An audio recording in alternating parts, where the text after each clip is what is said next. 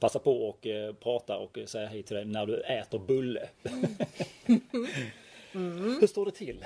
Mycket bra. Ja, härligt. Det är vår och det är härligt. Ja. ja. Jag känner mig också rätt nöjd. Jag hade en eh, tenta igår som var en liten pers och så. En liten utmaning. Det var lite skojigt på lite olika sätt. Så där. Nu under coronatider för då är det ju hemtenta som gäller då, då. Så då hade vi fått en del svåra frågor som skulle klaras av på tid.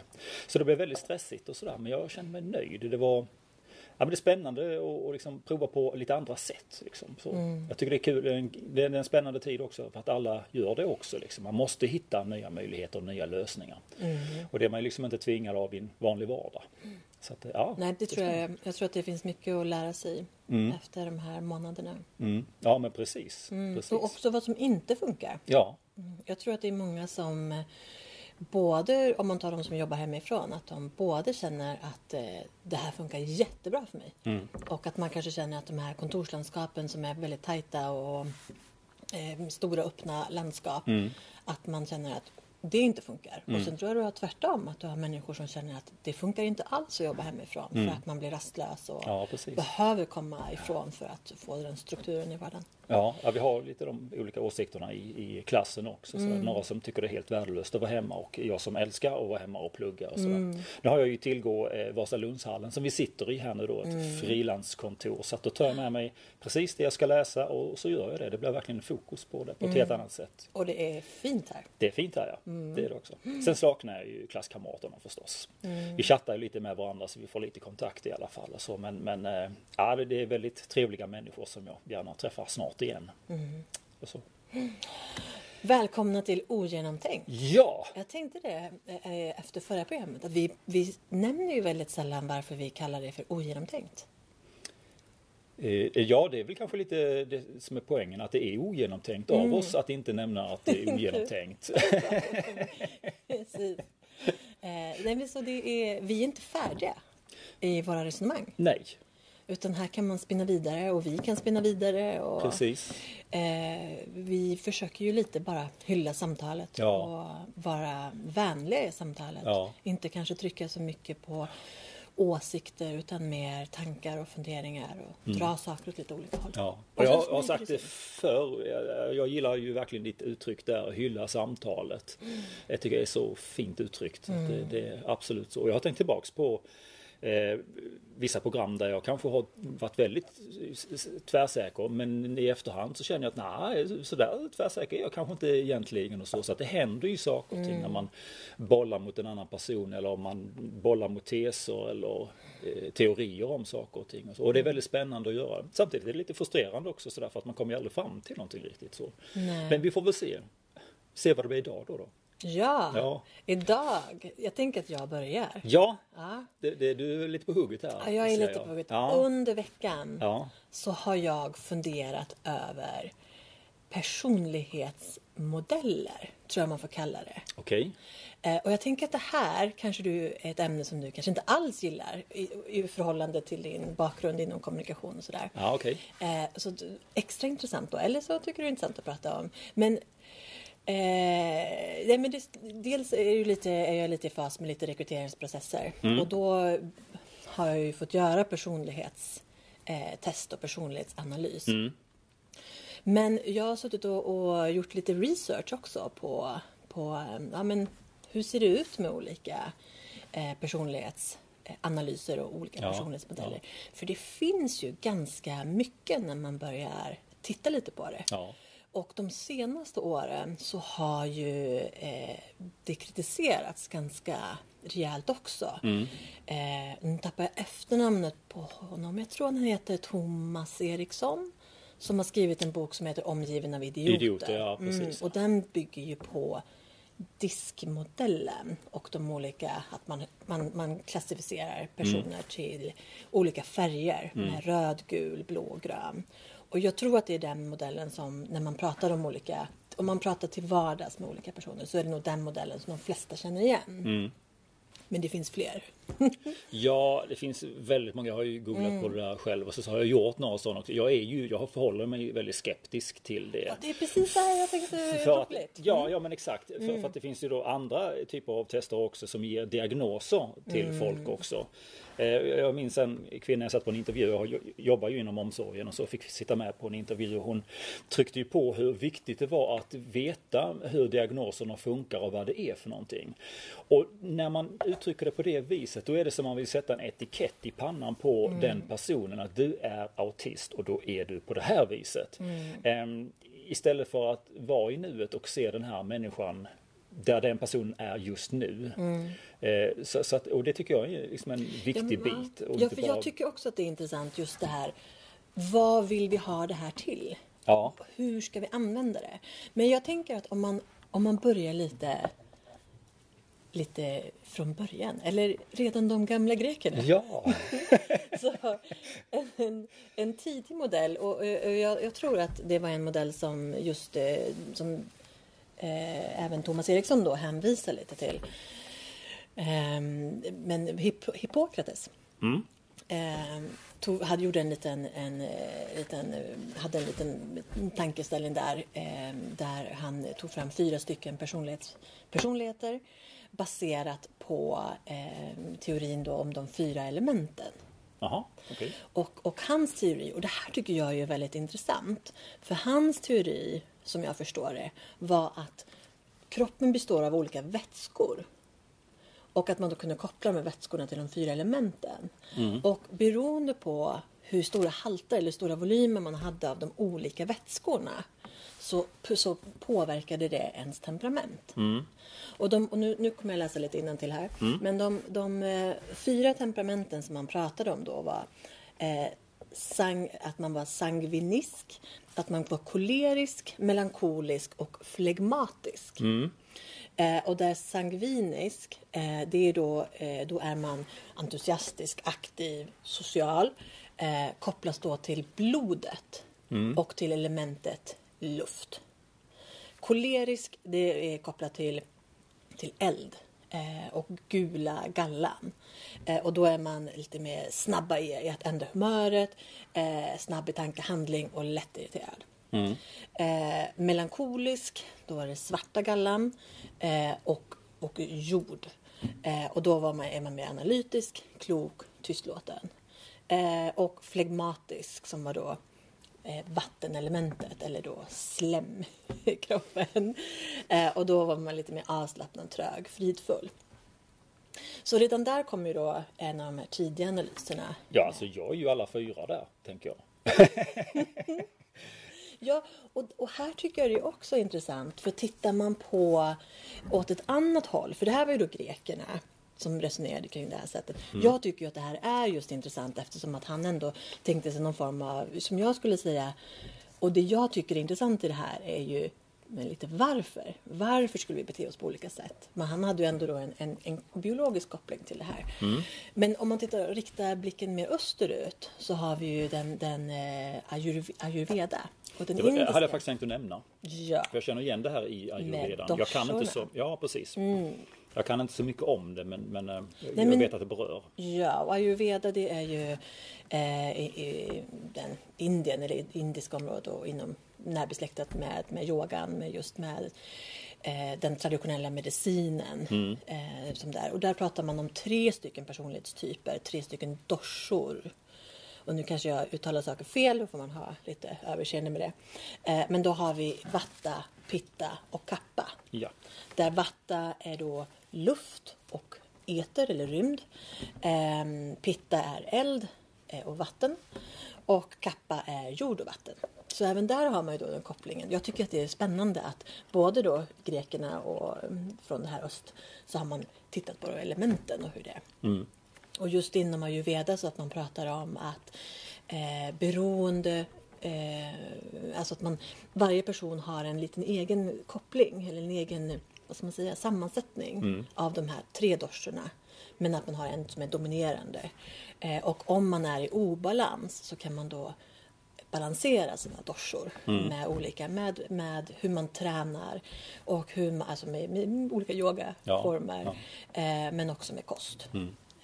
Ja, precis. Jag hade en upplevelse för ett och ett halvt år sedan när jag flög till eh, Gran Canaria. Jag, när jag har gjort de här långa flygresorna så, så har jag oftast blivit väldigt sjuk på platsen jag har varit på sen liksom efter, ja, efter ett tag så att säga. Jag fick liksom en, en förklaring av en, en som kan det här med ayurvedan och sådär. Eh, hon sa det att nej men när du flyger Niklas då ska du dricka varmt vatten när du är uppe i luften så att säga för att. Och sen så berättade hon någon koppling som jag inte kommer mm. ihåg idag. Jag tyckte det var lite intressant så, sant eller inte men intressant i alla fall. Mm. Eh, och sen har jag då till mig själv skrivit en lång lista på vad jag ska göra när jag flyger utomlands på det viset för att inte bli sjuk igen. Mm. För det är lite trist när det går två dagar åt, eh, tre, fyra. Eh, vid ett tillfälle i Sydamerika där var jag sjuk en hel vecka, en ah. sju dagars influensa. Ah. Ja, det var ju måttligt roligt att ligga där död i säng i en hel vecka. Men om vi då tar det lilla sidospåret, då skulle jag rekommendera två saker när man flyger, eller utifrån min erfarenhet. Och mm. Det ena är eh, fuktisar. Fuktisar. Fuktisar. Det är alltså en sugtablett för muntorrhet. Okej. Okay. Det, här, det, det, här låter ju så larvigt. Men, men populärt bland när man blir lite äldre och får lite torrare. Men, ja, men jag det. som instruerar mm. Jag tar gärna, jag är ganska torr i halsen, jag får lätt torrhosta. Mm. Även när det inte är Corona. Mm. Så jag drabbas, jag, jag får jättegärna eh, väldigt lätt torrhosta. Mm. Och att ta en sån liten sugtablett, de heter ju fuktisar. Man går till apoteket, det finns ju olika sorter. Men de som jag brukar köpa, det är en liten tablett som man suger på. Och sen får man lite mer, blir man lite fuktigare i munnen. Okay. Eh, och när man flyger, för jag tycker det är svårt, man blir jättetorr ja, det blir man ju. i slemhinnorna när man, när man flyger. Och sitta och dricka vatten, då blir man också, dels så det finns det ju begränsad tillgång till vatten. Det blir ganska så här, man får upp och springa och Precis. hela tiden. Eller köpa med sig vatten. Det, det är ett litet projekt bara mm. för mig. Alltså mm. på allting. Men en liten burk med, med de här tabletterna som man kan sitta och suga på så att man håller sig. Det tycker jag är jättebra. Mm. Det rekommenderar jag. De är mm. inte dyra heller. Nej. Och sen också att man eh, planerar sin sömn. Mm. Eh, för det tror jag är en, en jättebov just med sjukdomar när man kommer på plats. Att man har rubbat sin sömn. Ja, det är inte omöjligt. Eh, och jag tycker, som jag har provat lite grann, men just att när man, om man har ett tidigt flyg, då har jag, så att man måste gå upp jättetidigt på morgonen, då har jag börjat att en vecka innan så har jag börjat gå upp bara snäppet tidigare, så att 20 minuter per dag. Mm. Så att jag långsamt skjuter min, mitt dygn mm. för att anpassa till den tidiga tiden. Mm. Eh, istället för att abrupt gå upp en och en halv timme tidigare så har jag liksom under en veckas tid vänt mig lite i taget. Det funkar jättebra. Väldigt bra tips. Det ska mm. jag lägga till min lista det här faktiskt. Mm. Och sen jättebra. på flyget så brukar jag så fort jag kliver på så, så brukar jag, speciellt när man har de här långa flygen, mm. då brukar jag direkt försöka anpassa till tiden när man landar. Så att mm. man tittar på klockan och säger ja, nej men nu är det natt där. Då mm. får jag helt enkelt ligga och vila. Ja. Även om man inte somnar så ligger man och bara släcker ner och, och vilar. Ja. Eh, kan vara jättetråkigt men funkar också bra ja, för ja. jetlag och sådär. Ja, men det låter ju kanon. Ja, ja det var lite sidospår. Sidospår, ja. men det är Mm. Eh, men tillbaka då, så att vi har ju då dels då grekerna och eh, inom ayurveda mm. med de här personlighetstyperna. Yeah. Eh, diskmodellen som vi nämnde. Mm. Jag hittade också, när jag så då tittade runt lite, Isenks. Är det någonting du känner igen? Nej. Eh, som, som bland annat har man tittat på för att ehm, se kriminella eh, drag eller att kunna, kunna förstå varför blir man kriminell. Mm. Eh, och han pratade bland annat, bland annat då om eh, där har man inte de här liksom, tydliga eh, utkomsten eller tydliga personlighetstyperna. Utan han pratar, jag ska säga så här. Eh, när man pratar om olika personlighetsmodeller då gillar jag att tänka mig som en process. Mm. Där du har en, du har en invariabel. Mm. Eh, och det är ju då människor. Ja. Alla människor. Sen har man då liksom en svart låda eh, där sorteringsprocessen pågår. Och ut kommer utvariablerna hur man har delats in i personlighetstyper. Det är ingenjören som pratar här nu. Ja, nu är det ingenjör. Ja, ja. Så du har, du har en process, du har in, ja. du har en, en eh, sorteringsprocess, eller lite den här svarta lådan, mm. med algoritmer. Mm. Och sen kommer det ut en, en uppdelning i, i olika personlighetstyper. Mm. Och jag skulle säga att om man då kollade på den här Eysenks-modellen, där pratar de mer om algoritmerna. Alltså hur sorterar man? Alltså vad är det som händer? Vilka parametrar? Mm. Medan när man pratar om då då dorsorna eller, eller man säger de här färgerna, då är det mer utkomsten. Men man kanske inte pratar lika mycket om Eh, eller ja, det gör man ju också för man får göra lite olika test för att komma fram till vilken personlighetstyp det är. Men vikten ligger väl mer på själva vad som utmärker de här typerna. Mm. Eh, Isings och sen så hittar jag även femfaktormodellen. Okej. Mm. Känner Där- inte heller till. Nej, den pratar de om the big five och den skulle jag också säga är lite mer just den här själva sorteringen. Eh, för jag, tror att det som man har kritiserat nu just när det gäller distriktmodellen det är bristen på forskning och bristen på vetenskap bakom. Jag kan ju tänka mig att hur gör man det här vetenskapligt? Man kan ju inte riktigt mäta upp någon form av personlighet utan någonstans gör man ju vissa antaganden oavsett. Men i den här eh, femfaktormodellen eller som den också kallas Ocean eller Big Five då pratar man om eh, fem stycken parametrar eller fem personlighetsdrag och sen tänker man väl i princip som ett reglage där du tänker, ja men hur öppen är du på en skala? Hur, hur ordningsam, hur extrovert, hur tillmötesgående och hur neurotisk? Och sen så tänker man sig som ett reglage liksom på, på, på, på det där. Så att summa summarum så blir ju, du får, kommer ju aldrig få ut fyra, eh, fyra eller fem eller ett antal personlighetstyper. Utan det kommer ju snarare vara ett mischmasch liksom av, av oändliga eh, personlighetstyper. Okej.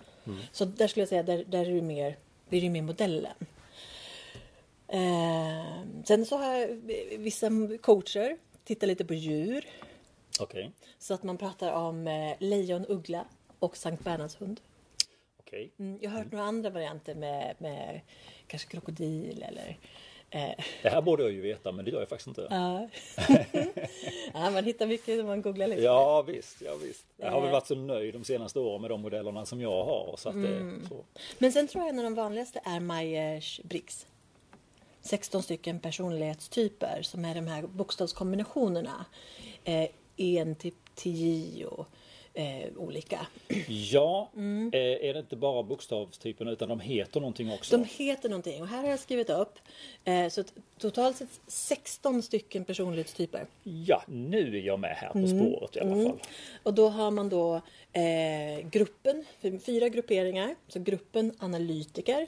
Så har vi arkitekt, logiker, anförare och debattör. Eh, I gruppen diplomat så har vi då advokat, medlare, protagonist, förkämpe. Jag kan säga att jag har gjort det här testet Flera, jag tror, nu Mm. gjorde jag det bara för, några, för en månad sen tror jag vi var lite, pratade lite spontant om det så tänkte jag nej men nu ska jag testa igen liksom. Mm. Och jag har blivit advokat varenda gång. Jag tänkte jag förändras inte överhuvudtaget verkar det som. Mm. Och jag tycker ändå jag, nej men nu ska jag svara lite sådär istället och så. Men, De ja, listar ändå ut det. det, det är liksom jag, jag hamnar inom något sånt Ja. spann. Och jag har gjort det här i flera år faktiskt. För det, det var lite kul. Jag gör det som underhållning så. Jag tycker ju att det är värt, där, där, där funkar det väldigt bra. Som underhållning ja. ja. Sen har man då i kategorin väktare eh, logistiker, försvarare, chef och konsul. Eh, och sen sista kategorin eh, utforskare. Eh, virtuos, äventyrare, entreprenör och underhållare. Men sen tycker jag ju att, att det finns ju också lite annat. Eh, jag tycker ju att det till exempel, jag vet inte om du har läst Harry Potter? Nej. Nej, du, du är lite för gammal. Jag är också egentligen lite för gammal. Eh, men jag var väl, men hade yngre syskon som Ja, kom nej, men jag tycker det är så tråkigt att läsa sådana böcker. Jag vill läsa böcker som ger mig något. Ja. Som filosofi eller psykologi eller Inte, sånt. man kan nog få ut lite sånt från Harry Potter också. Kan man Men det? De trollar ju bara så det blir bra eller dåligt. Eller... det, det de bland annat gör i Harry Potter, för då kommer man ju, de här barnen kommer till, till Trollkarlsskolan och där delas de in i hus. Ehm, och det de gör då, och då har man återigen alla barn invariabel. Sen har de så, sin sorteringsprocess. Då har de en hatt. Och den där hatten läser, vilket egentligen är ganska obehagligt. Hatten kan alltså läsa personens tankar och känslor och sorterar in dem i det huset som de, som de passar in. Och de husen så har du då Gryffindor, Slytherin, eh, Hufflepuff och Ravenclaw. Och det jag tycker är lite roligt är ju egentligen, kollar man på alla de här så, så tycker jag ju oftast att man kan, man kan nästan dra likhetstecken mellan, alltså så här, ja ja, du är blå, ja du är Ravenclaw. Mm. det, det, det går att lite använda Okej. samma. tar vi det här då. Eh, hur tänker du om mig då? Var, har du placerat mig någonstans? Nej, jag har inte gjort någon sån analys. Nej, okej. Jag, jag vet inte om jag ska göra det heller. Nej. Eh, men, nej, men så det var några som jag hittade och även, och det, det här var lite anledningen till att jag började komma in i de här tankebanorna för att jag har precis kollat på, det finns en, också en ungdomsbokserie som heter Divergent. Eh, Det är en dystopisk serie, den har även filmatiserats, det var filmerna jag kollade på. Men där delas det då, man, man befinner sig i ett framtida Chicago. Det har varit någon form av apokalyps. Eh, eh, och eh, säger man apokalyps? Ja, Ja. Men be inte mig säga det för det kan jag inte. Det lät så snyggt när du gjorde det så. Men det, har varit, det har varit en katastrof och det har eh, efter det här när, när människorna ska komma tillbaks så har man just satt upp ett samhällsstruktur där man delar in människorna i fem falanger. Och de här falangerna het, är då de ärliga, de osjälviska, de tappra, de fridfulla och de lärda. Och sen jobbar då varje falang har olika typer av arbetsuppgifter. Så ehm, eh, till exempel så har de fridfulla, de jobbar med jordbruk. Eh, och de tappra jobbar med liksom lite mer polisväsendet. Och, eh, så de har liksom såna olika falanger. Och det bygger på att för du föds in i en falang. Men när du fyller 16 då får du göra ett test. Återigen, man kopplar på någonting som in och gro- grottar i ens hjärna. Och sen så får man ett testresultat. Och sen får man, har man det fria valet att antingen stanna i sin falang eller att byta till en annan falang. Men om du byter så kan du inte gå tillbaks. Och du bryter liksom med din familj. Så du väljer liksom, du får välja mellan fal- falangen eller familjen. då. Du kan ju välja att um, stanna kvar liksom för att få vara med. Lite Matrix där, du väljer det röda pillret eller det blå pillret. Ja, Det- kanske. Eh, men, men, där, men problemet som uppstår i Divergent, och det här tycker jag ju är lite spännande. Eh, för problemet som uppstår där, det är ju att människor inte kan delas in i falanger på det viset. För att de, det finns människor som är divergent, det vill säga att de går och placerar flera fack. Och jag tänker mig att det är ju lite det här som, som, eh, som jag skulle säga är problemet som uppstår när man använder det till exempel ur ett rekryteringsperspektiv. Att eh, man kanske försöker boxa in personerna och, och skapa att ja, men du, är, du är den här personlighetstypen, alltså kom, förväntar vi oss att du ska bete dig på det här sättet. Och det är det som blir lite problemet. Så jag tycker att den här, den här bokserien eller filmen sätter lite fingret på det. Ja, ja. Jag har ju, jag vet inte om jag har dragit det i podden den historien, men jag, jag har ju en kompis i Skövde som eh, fick genomgå eh, den här idioten-testet, eh, disktestet. Eh, och- eller det var hela hennes arbetsplats för den delen. Då var det en kollega som var röd eh, och det var inte eh, chefen så förtjust i. Så hon blev då uppkallad till chefen och så sa hon det att ja, nej, jag ser ju att eh, du är ju rätt så röd här. Ja, jo det är, hon, jag, säger hon då. då. Eh, Ja, det får du ta och sluta med, säger chefen. Och då, då är det ju liksom det, jaha, hur använder vi det här med Mm. Personlighetstest? det? Ja. För det hade ju inte chefen fattat i det här fallet i alla fall. Nej. Nej, och jag tycker att det är spännande för att jag, jag tänker mig att någonstans så vi människor har ju ett, ett eh, outgrundligt behov i att försöka kategorisera Ja, och sätta liksom. Och det handlar väl om att vi, vi behöver förstå vår omvärld. Och jag tänker att det har ju varit väldigt tydligt i Sverige om man tar ända tillbaka till Carl von Linné liksom, som har eh, kategoriserat allting.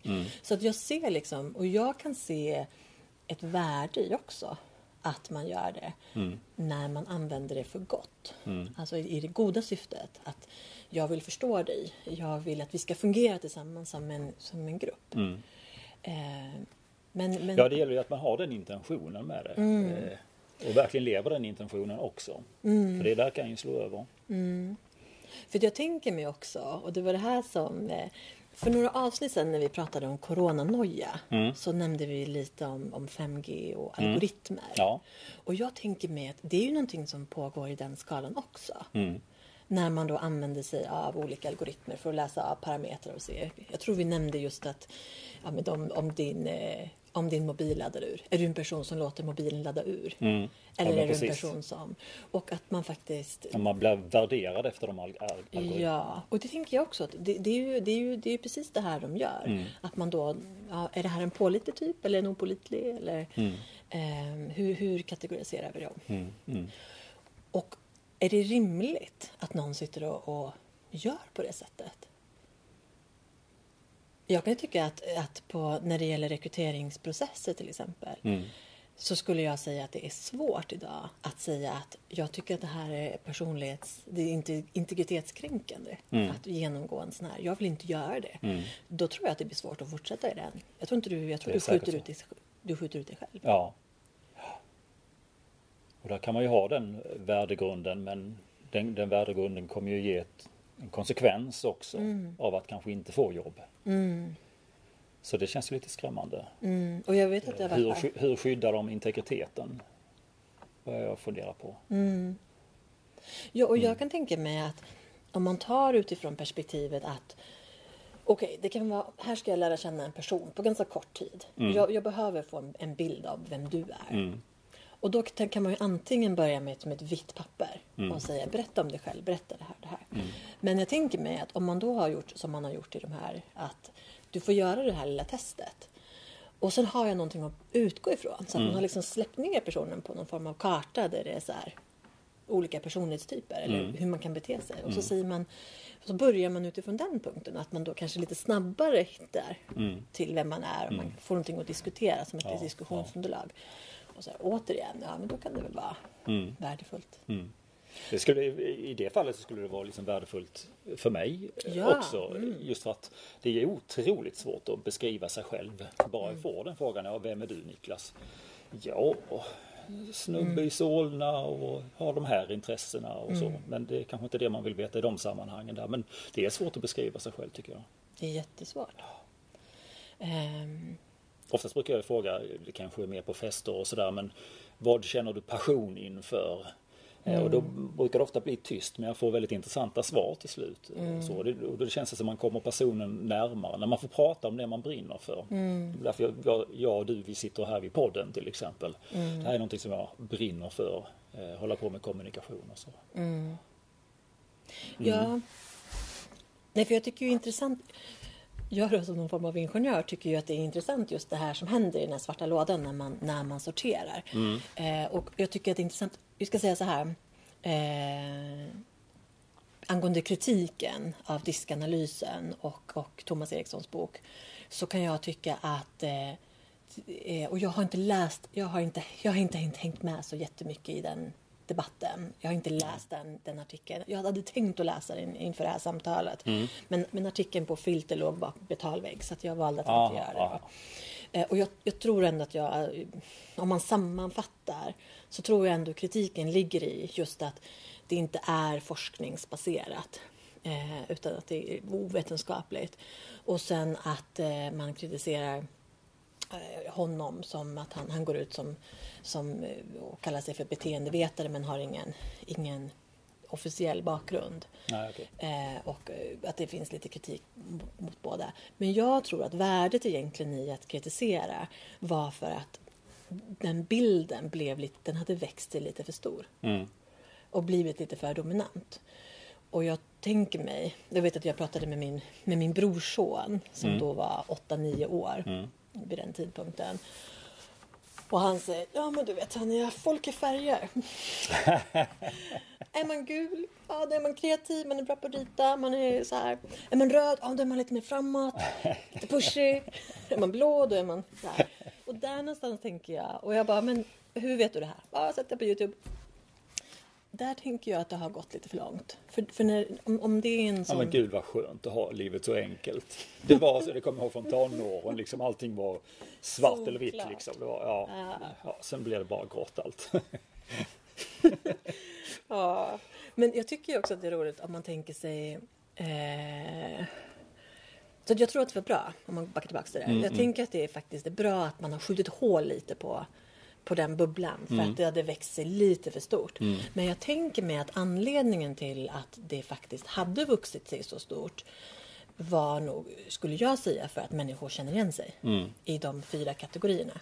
Och jag tänker också att anledningen, det finns många modeller och de flesta modeller landar gärna i att det är typ fyra eller ja, mellan tre och fem personlighetstyper. Mm. Ja, Eh, och jag tror att det är helt enkelt för att människor kan inte hantera 16 personlighetstyper. nej, det blir stökigt. Ja, utan, nej, det har jag också tänkt på att vi Ja. kan inte hantera så himla mycket. Eh, För jag tänkte på det när vi ändå var inne på 5G och Mm. sådär. att eh, Då tror jag jag tog exemplet som jag såg i den här filmen om att eh, söka lån till exempel. Och Mm. där, i ett lån i Kina där kan man hålla reda på 5000 parametrar. Men när- söker man lån i Sverige då undersöker man en på 10 parametrar eller algoritmer. Mm. Eh, och vi, liksom när vi är i verkligheten så kan vi inte hålla reda på så många Nej. algoritmer. Så att då blir det ju väldigt enkelt med fyra och komma ihåg vilken färg man är. Ah. Det, det är en väldigt enkelhet i det. Ja, och jag skulle också säga att anledningen till att det har slagit är för att människor känner igen det. Mm. Man känner igen här, japp, personen är blå. Mm. Och då förstår man det. För att man känner blå pers- personer. Mm. Det, det ringar in det ganska bra. Forskningsbyggt eller inte Mm. så tror jag att att eh, om man då tänker sig den här sorteringsalgoritmen så, så, så tänker jag att eftersom att du kan känna igen dem, de här personlighetstyperna så pass bra och också kanske säga att ja, ja, och sen finns det en mix av de här. Mm. Jag tror att väldigt många, inklusive mig själv, kanske inte riktigt behöver forskningsunderlaget för att se att ja, det finns en igenkänning. Jag, behöver, jag förstår ju också att det, är inte vetenskapligt och människor är inte kategoriserade på det sättet utan det är en liten modell. Mm. Eh, men jag kan ändå ha nytta av den när jag kommunicerar eller jag hör människor och så här. Ja, den här personen är, är gul. Ja. Hör sin, pratar mycket, hör sin röst. Och liksom, Ja. Okej, men då behöver jag bemöta den här personen på, Mm. liksom anpassa det. Och använder man det till, till goda saker Mm. så men som sagt, om man säger att nu får du bli lite mindre röd, Mm. Ja, nej då... då, då har man inte förstått. nej, precis. Och jag tycker ju snarare att kritiken, det är där kritiken behöver ligga. Mm. Att boxa inte in människor, för vi är liksom divergent. Ja, men precis. Vi kommer att vara på lite för olika. Och det, man måste också få ge människor chansen att förändras och utvecklas på Ja. liksom andra plan. Men precis, precis. Sen tycker jag att det är så spännande just när man pratar om de här då, the big five, när man pratar om de här, eh, om man tittar på liksom just hur man skulle kategorisera människor. Eh, och den här, just den har man ändå, den hävdar man då är lite mer, upp- eller framtagna av eh, psykologer och, och lite mer underbyggd. Mm. Eh, jag kan ju tycka att det är intressant vad man bygger det på. Men jag tänker mig till exempel när man pratar om extrovert och introvert. Mm. För det tycker jag är, det är någonting som man pratar ganska mycket om och som man förr har man ju lagt en väldigt stor positiv värdering på att vara extrovert. Mm. Men nu upplever jag att man lägger en större tyngd och har värderat upp att vara introvert. Mm. Ehm, men jag tänker mig också att när man har, om man tänker sig det som en, som en, en linje där man ena änden är man extrovert och maximalt extrovert och andra änden som är maximalt introvert. Mm. Så tänker jag mig att det även finns en y-axel Mm. där, där, som är situationsberoende och miljön. För att jag tänker mig att en extrovert person, alltså beroende på hur trygg man känner sig i miljön, så blir man mer extrovert eller mer introvert. Ja. Jag tycker att man märker det till exempel som grupptränings på gruppträningsformatet. När det kan komma in person som är hula baloo i vanliga fall. Men när man kommer in där så är det så här, nu är det nytt. Det är en massa människor, jag känner mig obekväm. Ja men då kan även den mest extroverta ställa sig längst bak för att inte synas. Sen kanske den personen söker sig framåt ganska snabbt. När man märker att man är trygg. Ja, Men- det var precis vad jag skulle eh, komma till. För jag, jag har tänkt på mig själv tidigare i livet i alla fall som ganska så introvert. Eh, men nu så helt plötsligt så, så befinner jag mig i ett väldigt tryggt sammanhang. Och då pratar jag desto mer och, och så där. Jag kan nästan vara lite förvånad över mitt eget beteende där faktiskt. Men, men jag kom fram till att ja, men jag är ju trygg här. Eh, i, I de situationerna som finns i mitt liv just nu. Så, att, eh, så då ifrågasatte jag min egen introversitet eller vad det kan heta. Ehm, Så att, ja, det var in, intressant och, ehm, och se på sig själv på det sättet. Mm. Mm. Ja, nej, alltså, jag, och jag tänker mig att alla de här, man pratar om hur öppen man är, hur tillmötesgående man är och hur ordningsam man är. Att all, alla de där parametrarna skulle jag säga triggas eller stimuleras eller under, Ja. undertrycks beroende på miljön som Ja, man befinner sig ja. i. För det har jag inte hört någonting om att det är någon som tar hänsyn till själva miljön i sig. Mm. Eh, Fast nu har jag inte läst in mig på ämnet heller så mycket så att eh, så jag, jag skulle veta det. Nej, men, jag känner eh, inte heller riktigt till att man pratar. Och jag tror att Nej. någonstans så är det ju ändå att man tänker sig att människor...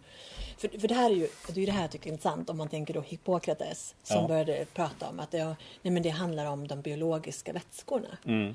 Eh, och har man lite överskott på det och man analyserade liksom Mm. eh, urinprov och sådär för att se, se ja, men hur ser det ut med din, hur är din Just personlighetstyp det. och temperament. Ja, men precis. Eh, vilket jag tycker är intressant för där var det verkligen ett vetenskapligt Mm. perspektiv. Men, men jag tänker ju, ja men vad är det som gör vad är det som gör att man blir de här olika personlighetstyperna? Mm. Och då har man väl diskuterat liksom gener. Mm. Eh, det här är ju någonting som jag har jag har ju haft lite svårt att ta till mig det. Mm. För att jag har ju hela mitt liv tänkt mig att man formas framförallt av den sociala miljön. Mm. Men på senare år så har jag liksom nog accepterat mer att generna spelar större roll än vad jag har trott. Okej. Eh, och sen, sen i vilken utsträckning är ju svårt att säga. Mm. Men... Eh, eh, men, men det. Men så generna är ju en del av det Mm. som påverkar. Mm. Eh, men sen tänker jag en annan sak som jag tror spelar väldigt stor roll för just personlighetstyperna. Vill du gissa? Eh, ja, jag vågar inte. Vad man har för plats i syskonskaran? Ja, det, det, Det, för, för, de som, för de som lyssnar som kanske inte vet om det. Men, men eh, det, det, här är det är som... Tanjas käpphäst Det kan vi är en av säga. mina käpphästar. Ja, Jag återkommer till det. För Ja. några år sedan, så, ganska många år sedan vid det här laget, så läste jag en bok som heter Äldst, yngst eller mittemellan. Mm. Så påverkas du av din roll i syskonskaran. Eh, och den boken fick mig verkligen att tänka. Eh, och, och numera när jag så är jag, jag vill ju gärna höra vad folk har för Ja, har du några syskon? Så att om jag skulle sitta på en intervju, och jag måste ju säga det som ändå varit på en, en del intervjuer, det är väldigt sällan man får den frågan. ja, det är ju faktiskt en modell också att kunna väva in i så fall. Jag skulle tycka att det var mer intressant. Ja. Eh, och, jag- och jag tycker att det är intressant. Jag tänker bara på, på eh, ett jobb som jag hade nyligen. Där var i princip större delen av gruppen bestod av eh, två kullsbarn. Där då, det var killar i den här gruppen. Mm. Eh, men då, det var kombinationen äldre bror och yngre syster. Men med väldigt tajt mellan syskonen. Mm.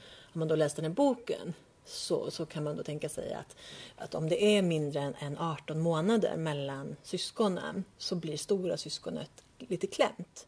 För det stora syskonet hinner liksom inte ut, utvecklas i och mogna eh, i takt i, förhållande till sitt lilla syskon. Eh, och att man får den konkurrens och lilla, lilla syskonet behöver mer tid så stora syskonet får eh, får inte den tiden som det skulle ha behövt för att mogna i den fasen och då, och då föds det liksom en viss eh, osäkerhet och att man konkurrerar med sitt lilla syskon. Och i den grupp, arbetsgruppen som jag då var och det här blir också extra tydligt när du har kombinationen äldre bror och yngre syster eftersom att tjejerna mognar snabbare. Ja, så precis. tjejerna kommer ikapp Ja. och, och då och går om kanske storebror i många fall. Mm. Vilket då de beskriver i den här boken hur storebror blir lite knäckt, eh, är lite stukad och behöver liksom omförhandla sin roll i Mm. familjen för att hitta. Och jag tyckte det var helt fascinerande att jag var då i en arbetsgrupp med nästan bara äldre bror, yngre syster. Ja, det var otroligt. Det, och det är fascinerande. Ja. Eh, Då kan man gissa att man har haft en och samma rekryterare till alla. ja, men Som eh, hade mig... sina modeller som plockade ut de här. Möjligtvis, men jag kan jag absolut skulle kunna vara för det är klart att den personen som sitter med och rekryterar har ju också någon form av men jag tror också att eh, just den avdelningen var en avdelning som inte var så konkurrens eh, eh, vad ska man säga man inte konkurrerade så mycket med varandra Mm, eh, så att jag utan en mer stödfunktion eller vad man ska säga eh, så att jag tänker mig att man kanske då man kanske väljer, har man det, kommer man från de förhållanden så kanske det känns mer naturligt att inte välja den här rollen där man tävlar mest. eh, där man ska vara störst, bäst, vackrast. Utan, utan man är man, vill göra sitt jobb och man vill göra det bra. Ehm, och att man då hamnar i, eller väljer liksom en, en roll som, eller i ett område där man inte har det här ehm, när man ska prestera med sig mest. Men det, det, jag tycker ju att det är väldigt intressant. Jag tänker ju att just de här syskon eh, eh, personlighetstyperna, det skulle ju jag ju tänka mig att det ligger bakom. Jag föreställer mig att väldigt många röda personer, om vi nu använder det eftersom, och jag, Ja, och jag ja. använder det eftersom att det är så många som känner igen det begreppet. Ja. Men när man är röd, att man då är liksom lite otålig, eh, tycker att folk runt omkring en är lite dumma i huvudet. Mm. Eh, varför förstår de inte det här? och jag tänker mig att det kan vara mycket antingen enda barn eller äldsta barn eh, som då har pushats framåt till det. Mm. Eh, Medan många, ja jag ska inte gå, men många gula kanske då är mer eh, yngsta syskonet som eh, inte behövt och liksom ha, få de högsta betygen utan kunna välja en mer kreativ bana. Eh, jag kan rekommendera den boken. Man behöver Jag har ju läst den men jag kommer inte ihåg så mycket av det som du beskriver här. Ja, Jag har ju läst om den ska jag Ja, säga okej. också. Ja. Eh, och jag tycker verkligen, när jag läste den första, första gången då följer väldigt mycket av just, för, för det, det är ju det med syskon. Det är ju dels ens egna syskon eller avsaknaden på syskon. Mm. Men sen har du ju nästa nivå och det är ju dina föräldrar. Hur är deras roll i syskonskaran? Mm. Och sen har man ju ytterligare Jag börjar tänka på hur min familj ser ut. Ja. Ja. Okej. Ja, Ja, det, men har det- jag faktiskt inte tänkt på. Jag har tänkt på, på mig och mina syskon. Det har jag ju tänkt på. Men inte hur mina föräldrars, hur de hamnar i syskonskaran. Det har jag faktiskt inte gjort. Så när man tar som, som min mamma till exempel som var ett enda barn och hennes föräldrar var äldst i barnkullar, hyfsat stora barnkullar med fem barn. Eh, då kan man ju tänka sig att, att när de föräldrarna då får ett barn så blir de väldigt omhändertagande. Eh, och tänker man sig istället att du kanske har två yngsta barn då kan det ju bli en helt annan eh, relation. Eller om du har två enda barn. Eller, Eh, så det, är, ja, det är jätteintressant. Ja. Ja. Ja, det, är- det är ju en bok som jag rekommenderar och som jag, jag skulle säga, jobbar man med rekrytering så kanske man också kan eh, läsa lite om det.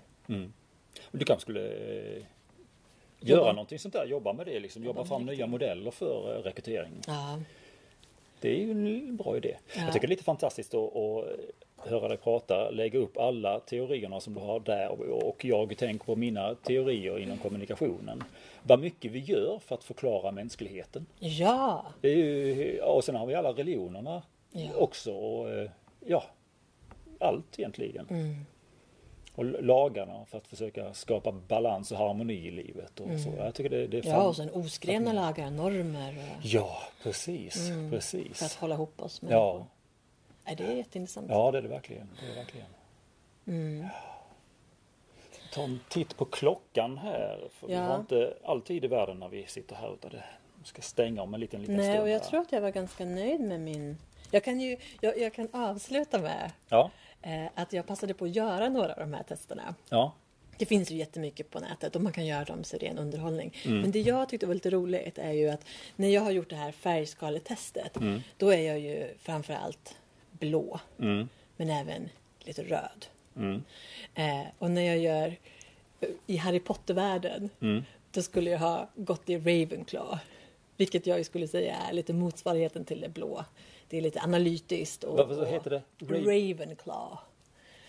Korplaget. Ja, det, där, det, det, det är ju då, i Harry Potter så är det ju att de här husen som de delas Ja. upp i, de, det var olika trollkarlar så det är deras efternamn Okej. som, som, som har gett namn till husen. Ja, Så. Ravenclaw var då Ja. en väldigt då, och de, de hyllar ju, eller premierar det här kloka, eftertänksamma. Mm. Ehm, Ja, det, då skulle jag nog också varit där för det, det är någonting som jag också eftersträvar. Mm. Så.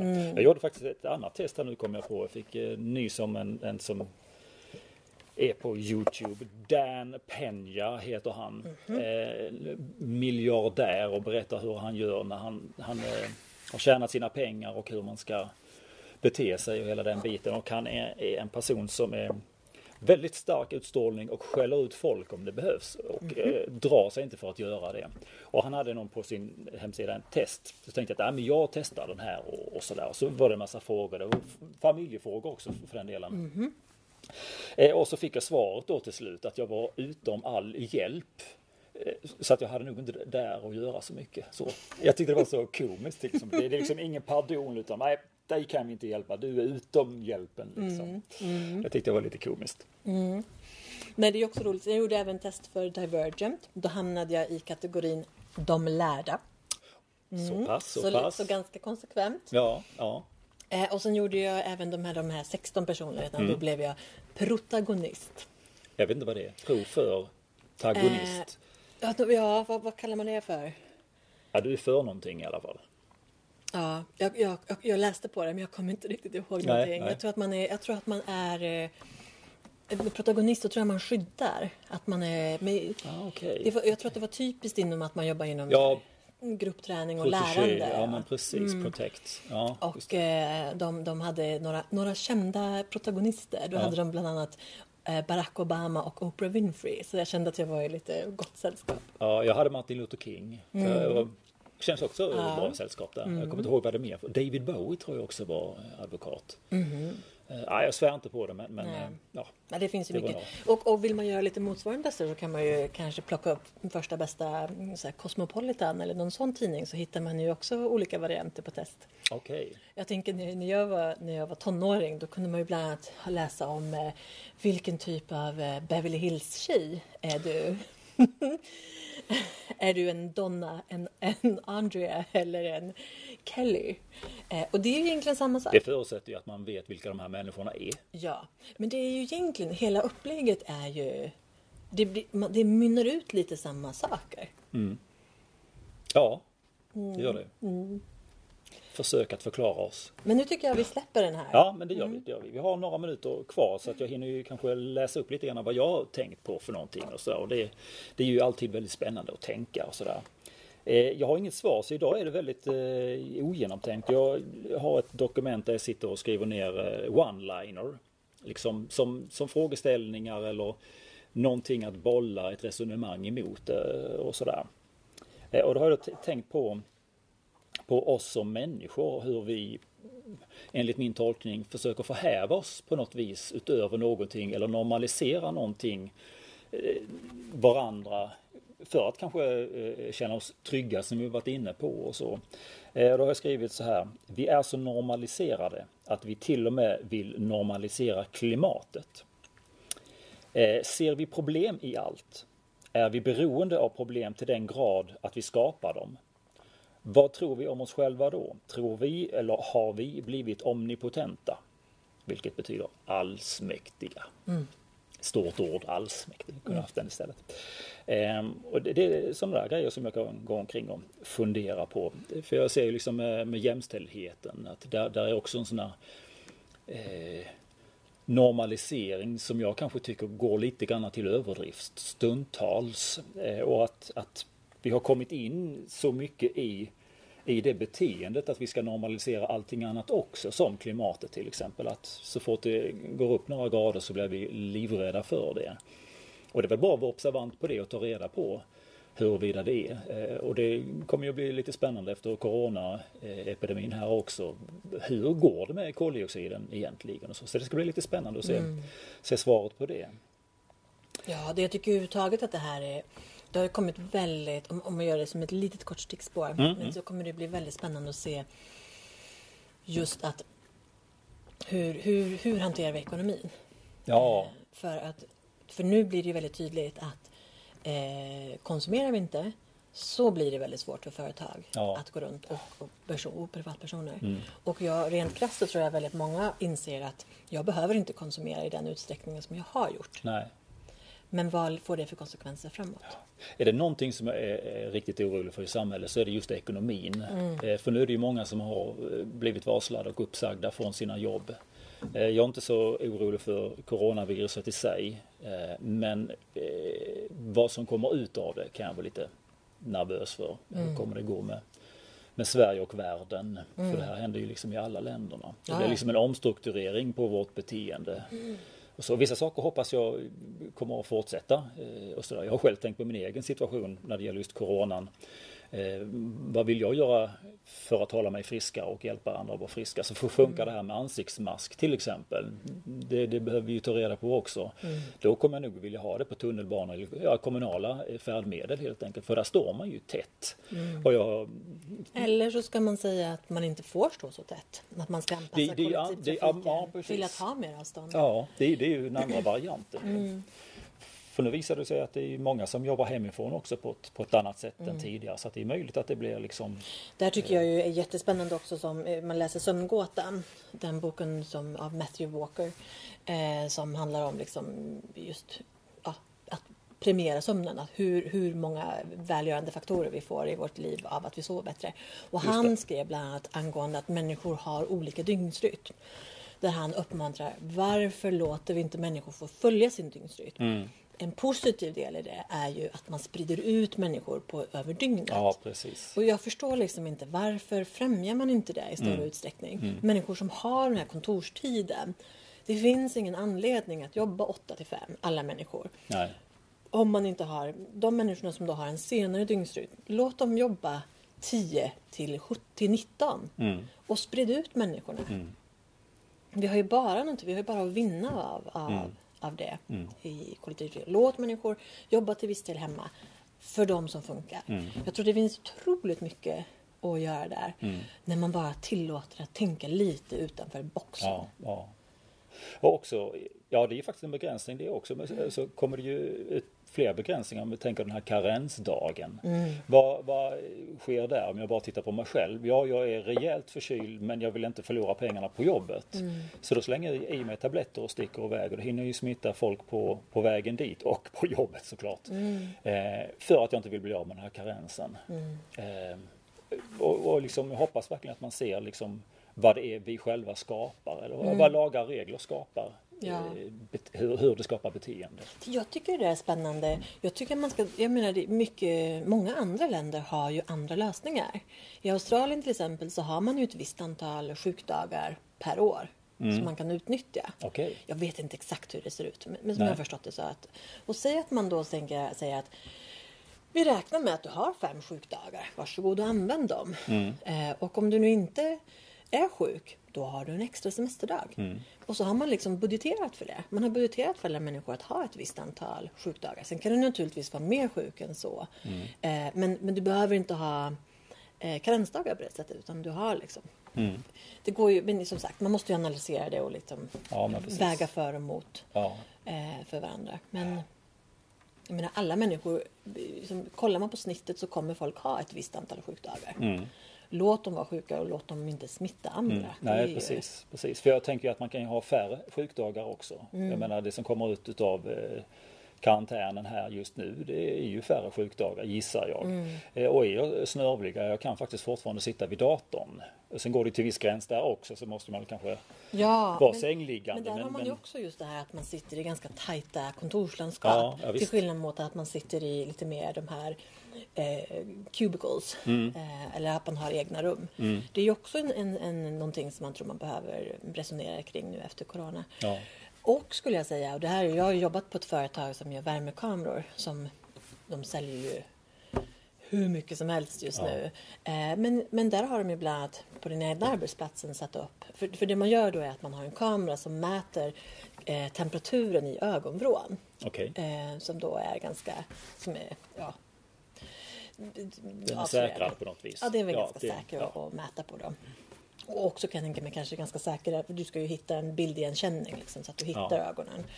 Eh, så det är kanske en enkel också att hitta. Jag är inte helt insatt i det. Men att man då sätter upp på arbetsplatser. Nej, du är inte frisk. Gå hem. Mm. Eh, en kollega till mig som jobbade i Kina, han berättade ju det att när barnen kom till förskolan så mättes temperaturen på plats. Hade barnet feber så släpptes de inte in. Mm. Och jag tror att det är, det är också en så här, var lite striktare. Mm. Att det faktiskt är så. Ha det som rutin. Mm. Att varje dag mäter du, mäter temperaturen. Eh, det finns ju det finns några kritiserade eh, preventivmedelsappar. Eh, Där man som kvinna då mäter temperaturen samma tidpunkt varje morgon. Och då ser, eh, eftersom att man har liksom en, en temperaturen följer var man befinner sig i sin cykel. Mm. Eh, Men det positiva, den liksom en positiv bonus som du får där är ju att du ser okej, idag har jag en liten förhöjning. Mm. Och det får du veta redan på morgonen. Eh, Så bara där kan du ju se att jag, och, och, och där är ju faktiskt Eftersom att beroende på om du är, jag tror att män har kanske en mer, ligger på lite mer samma nivå. Mm. Men kvinnor har ju verkligen en, från sin högsta temperatur till sin lägsta temperatur tror jag det skiljer, skiljer en halv grad. Mm, okej. Ehm, och, och det är ju ganska mycket. Mm. Ehm, och så, så ligger du i din lägsta nivå men mäter temperaturen och har en, en halv grad eller en grad så, så kanske du inte liksom är uppmärksam på hur, hur mycket det faktiskt är. Mm. Ehm, så att jag tycker ju att mät temperaturen Mm. och gör det till en mer... Ja, just det här att man inte, folk behöver inte behöver inte ta ställning Mm. utan det är så här, du har feber, gå hem. Du, Fast där, tänk, där tänker jag lite grann, då, ja, då liksom Då tar man bort en frihetsgrad. Ja, alltså då är det någon som ska kontrollera en. Eh, och jag, jag personligen vill ju liksom att vi ska ta, lära oss att ta mer ansvar. De mänskliga skyldigheterna. Ja, kanske det. Precis. Precis. Ja. Jag tittar på klockan här och eh, ser att det är kanske lite dags att eh, stänga igen för idag. Eh, det kändes konstigt att begränsa sig på grund av en klocka idag. Ja. När vi aldrig begränsar oss i vanliga fall. Liksom, och, så. och nu kommer personalen i Vasalundshallen in här också. Ja, Så, så vi rundar av. så vi rundar av. Tack så mycket för idag. Tack för idag.